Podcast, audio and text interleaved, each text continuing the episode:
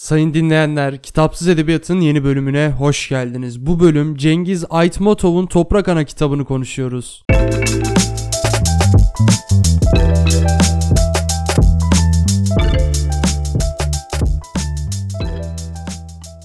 Aytmatov'un kitaplarını ne zaman okusam anlattığı hikaye sanki benim büyüklerim yaşamış da bana aktarıyormuş gibi gelir. Nedense Aytmatov'un kitaplarında her zaman kendimden veya ailemden bir şeyler bulabiliyorum. Bunun yanında Aytmatov'un kitapları ki ben bunlardan üçünü okudum. Bunlar Gün Olur Asra Bedel, Toprak Ana ve Beyaz Gemiydi. Üçünde de duygusal yönleri ağır basıyor. Tabi bu üçünün içerisinde en çok duygusal yönü ağır basan bana kalırsa Beyaz Gemi gerçekten birazcık sulu gözseniz hüngür hüngür sizi ağlatabilecek nitelikte bir kitap ki fark ettiyseniz söylerken bile sesim titredi.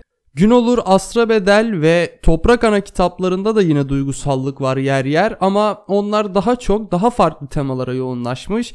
Biz de zaten bu bölümde Toprak Ana'yı konuşacağız ama bunun haricinde kesinlikle Aytmatov'un diğer kitaplarını okuyup hatta dönüp bir kere daha Gün olur Asra Bedeli okuyup to- komple Aytmatov'un külliyatını konuşmayı düşünüyorum. Çünkü kendisi gerçekten çok iyi bir yazar.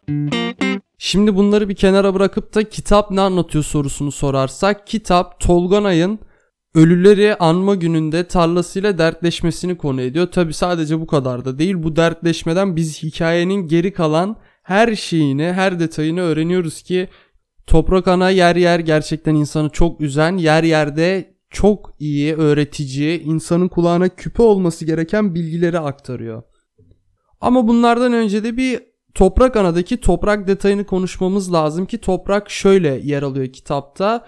Tolganay'la dertleşiyor. Bunun yanında Tolganay'ın bütün hayatı aslında topraktan ibaret ki bildiğim kadarıyla Aytmatov'un diğer eserlerinde de ki bu kitap üzerine de bir şeyler okudum makaleler vesaire. Orada da her 2-3 makalede şu yazıyordu işte. Cengiz Aytmatov'un diğer eserlerinde de toprağın önemli bir yer tuttu. Bu Toprak Ana kitabında hem kitabın adı Toprak Ana. Bunun haricinde de toprak da dile geliyor ve yer yer derdini anlatıyor. İnsanların nasıl evladı olduğunu ve kendisini ekmelerinden ne kadar mutlu olduğunu anlatıyor ki okuyunca daha net göreceksiniz bunu. Siz bana bir verin ben size bin vereyim ama savaşmayın mentalitesinde gerçekten bir anne figüründe toprak yer almış ki Tolganay da gerçekten anne figüründe çok güzel bir hayatı var. Çok güzel bir eşi var ki Tolganay'ın bütün hayatını öğreniyoruz. Diğer karakterlerin bu kadar olmasa da Tolganay'ın bütün hayatına hakim oluyoruz kitapta. Tolganay'ın evlenmesi Suvankul'la işte kurdukları aile daha sonrasından 2. Dünya Savaşı'nın çıkması ve kurulu bütün düzeni ve bütün güzellikleri yok etmesini anlatıyor. Kitap da Sovyetler Birliği döneminde geçiyor. Tolganay, Suvankul ve ailesi Sovyetler Birliği'nde yaşıyor. Tabi burada Sovyetler Birliği Aytmatov tarafından iyi şekilde aktarılmış. İyi midir kötü müdür veya işte Sovyetler ne kadar iyi bir devletti, vatandaşlarına ne kadar iyi davrandı. Bunu tartışmak benim işim değil. Daha doğrusu çok bir bilgim yok ama Sovyetler tarihine oldukça meraklıyımdır. Birkaç tane de kitap okudum ama bunlardan yola çıkarak da Sovyetler iyiydi, kötüydü demeye lüzum yok ama Aytmatov Sovyetler Birliği'ndeki sistemin aksaklıklarını ki her sistemde böyle aksaklıklar vardır. Tabiatı gereği bu aksaklıklar vardır. Bunları aktarmamış. Daha çok insanların nasıl çalışmaktan zevk aldığını, beraber çalışmaktan ne kadar mutlu olduklarını aktarmış. Kolhoz, Komsomol gibi Sovyetler Birliği'ne ait olan kurumları da göreceksiniz ki bunları araştırmanızı tavsiye ederim. Toprak Ana'yı ilk okuduğumda ben de kolhoz ve komsomol gibi kurumların ne işe yaradığını bilmiyordum. Daha sonrasında araştırdım. Hatta zamanında kitabı aldığım notlara tekrardan baktım. İlginç kurumlar böyle Sovyetler döneminin belli başlı kurumsal hayattaki kurumlarına ve Sovyetler dönemindeki kırsaldaki yaşama da Toprak Ana üzerinden şahit olacaksınız ve İkinci Dünya Savaşı'nın da ne kadar büyük bir yıkım yarattığına da aslında doğrudan doğruya şahit olacaksınız ki Biliyorsunuz ki gerçekten 2. Dünya Savaşı dünyayı öyle bir değiştirdi ki kesinlikle ve kesinlikle artık dünya 2. Dünya Savaşı'ndan önceki gibi olamayacaktır. Ki zaten 2. Dünya Savaşı'ndan önce de o kadar iyi değildi. Sonrasında da o kadar iyi değil. Büyük ihtimalle dünya birçoğumuza göre hiçbir zaman iyi olamayacak bir yer. Ama burada mesela dikkat etmemiz gereken bir şey daha. Toprak Ana kitap özelinden diyorum ve gerçekte de aslında bu böyledir. Evet savaşta askerler ölüyor. Maalesef siviller de ölüyor ama bunlar savaşın ortasındaki insanlar olarak düşünmeyin sadece. Yani İkinci Dünya Savaşı'nın doğrudan doğruya öldürdüğü insanlar haricinde dolaylı yoldan zarar verdiği insanlar da çok. Mesela Toprak Ana'daki kolhozdaki insanların cepheye erzak gönderebilmek için kendilerinden nasıl feragat ettiği, ne kadar yokluk çektiği de aslında savaşın dolaylı olarak etkisi. Tabi bunun yanında insanlar belli bir yerden savaşı kazanmak için feragat ederken, fedakarlık gösterirken, yiğitlik yaparken elbette ki bazı kurnazlar olacak ki bu insanlara karşı da suçlar işlesin. Kitapta bunlar da var.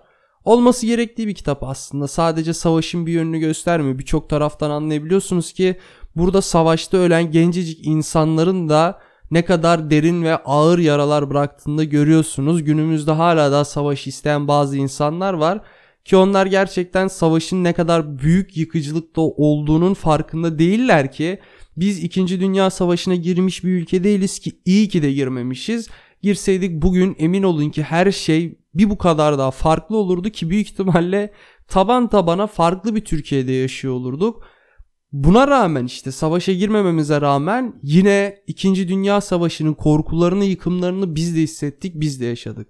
Bir de giren memleketleri düşünün ki 2. Dünya Savaşı'nda en çok yıkılan ülkelerden biri günün bugünün Rusyası, o günün de Sovyetler Birliği'ydi. İşte Toprak Ana'da aslında bu çok güzel anlatılıyor. Ve savaşın üstünde o kadar çok da durulmuyor aslında. Savaşın insanlar üzerindeki etkisi Toprak Ana'daki Tolganay karakteri üzerinden ve bizzat toprağın yani bildiğimiz toprağın ağzından insanlara aktarılıyor. Bana kalırsa Toprak Ana okunduktan sonra insanlara kesinlikle bir şey katabilecek nitelikte bir eser. Aynı şekilde Aytmatov'un Gün Olur Asra Bedeli de öyleydi. Beyaz Gemi de öyleydi. Ve bölümün ilk başında dediğim gibi Beyaz Gemi okurken gerçekten yanınızda bir peçete bulundurun. Çünkü büyük ihtimalle kullanacaksınız onu ihtiyacınız olacak o peçeteye ama nedense Toprak Ana bana diğer iki kitaptan da daha etkileyici ve daha sarsıcı geldi. Çünkü savaşın etkilerini, insanların nasıl değiştiğini, binbir zorlukla kurulan ailelerin, binbir zorlukla yetişen çocukların nasıl kolayca yıkılabildiği, dünyanın ne kadar büyük bir hızla değişebildiği beni oldukça etkileyen günümüz dünyasında da yani gerçek hayatta da sosyal hayatımda da etkilediği gibi kitapta da etkiledi. Belki bu yüzdendir ama daha önce Toprak Ana'yı okumadıysanız hemen alın okuyun derim. Zaten çok ince bir kitaptır. Okurken de zevk alacaksınız. Dili akıcı ve sadedir. Kesinlikle size sözlük açtırmayacaktır ama işte dediğim gibi o Sovyetler Birliği'ndeki kurumların ne işe yaradığını da anlarsanız çok daha etkili bir şekilde okumuş olursunuz kitabı diyorum ve bu bölümlük benden bu kadar. Haftaya görüşmek üzere. Kendinize çok iyi bakın.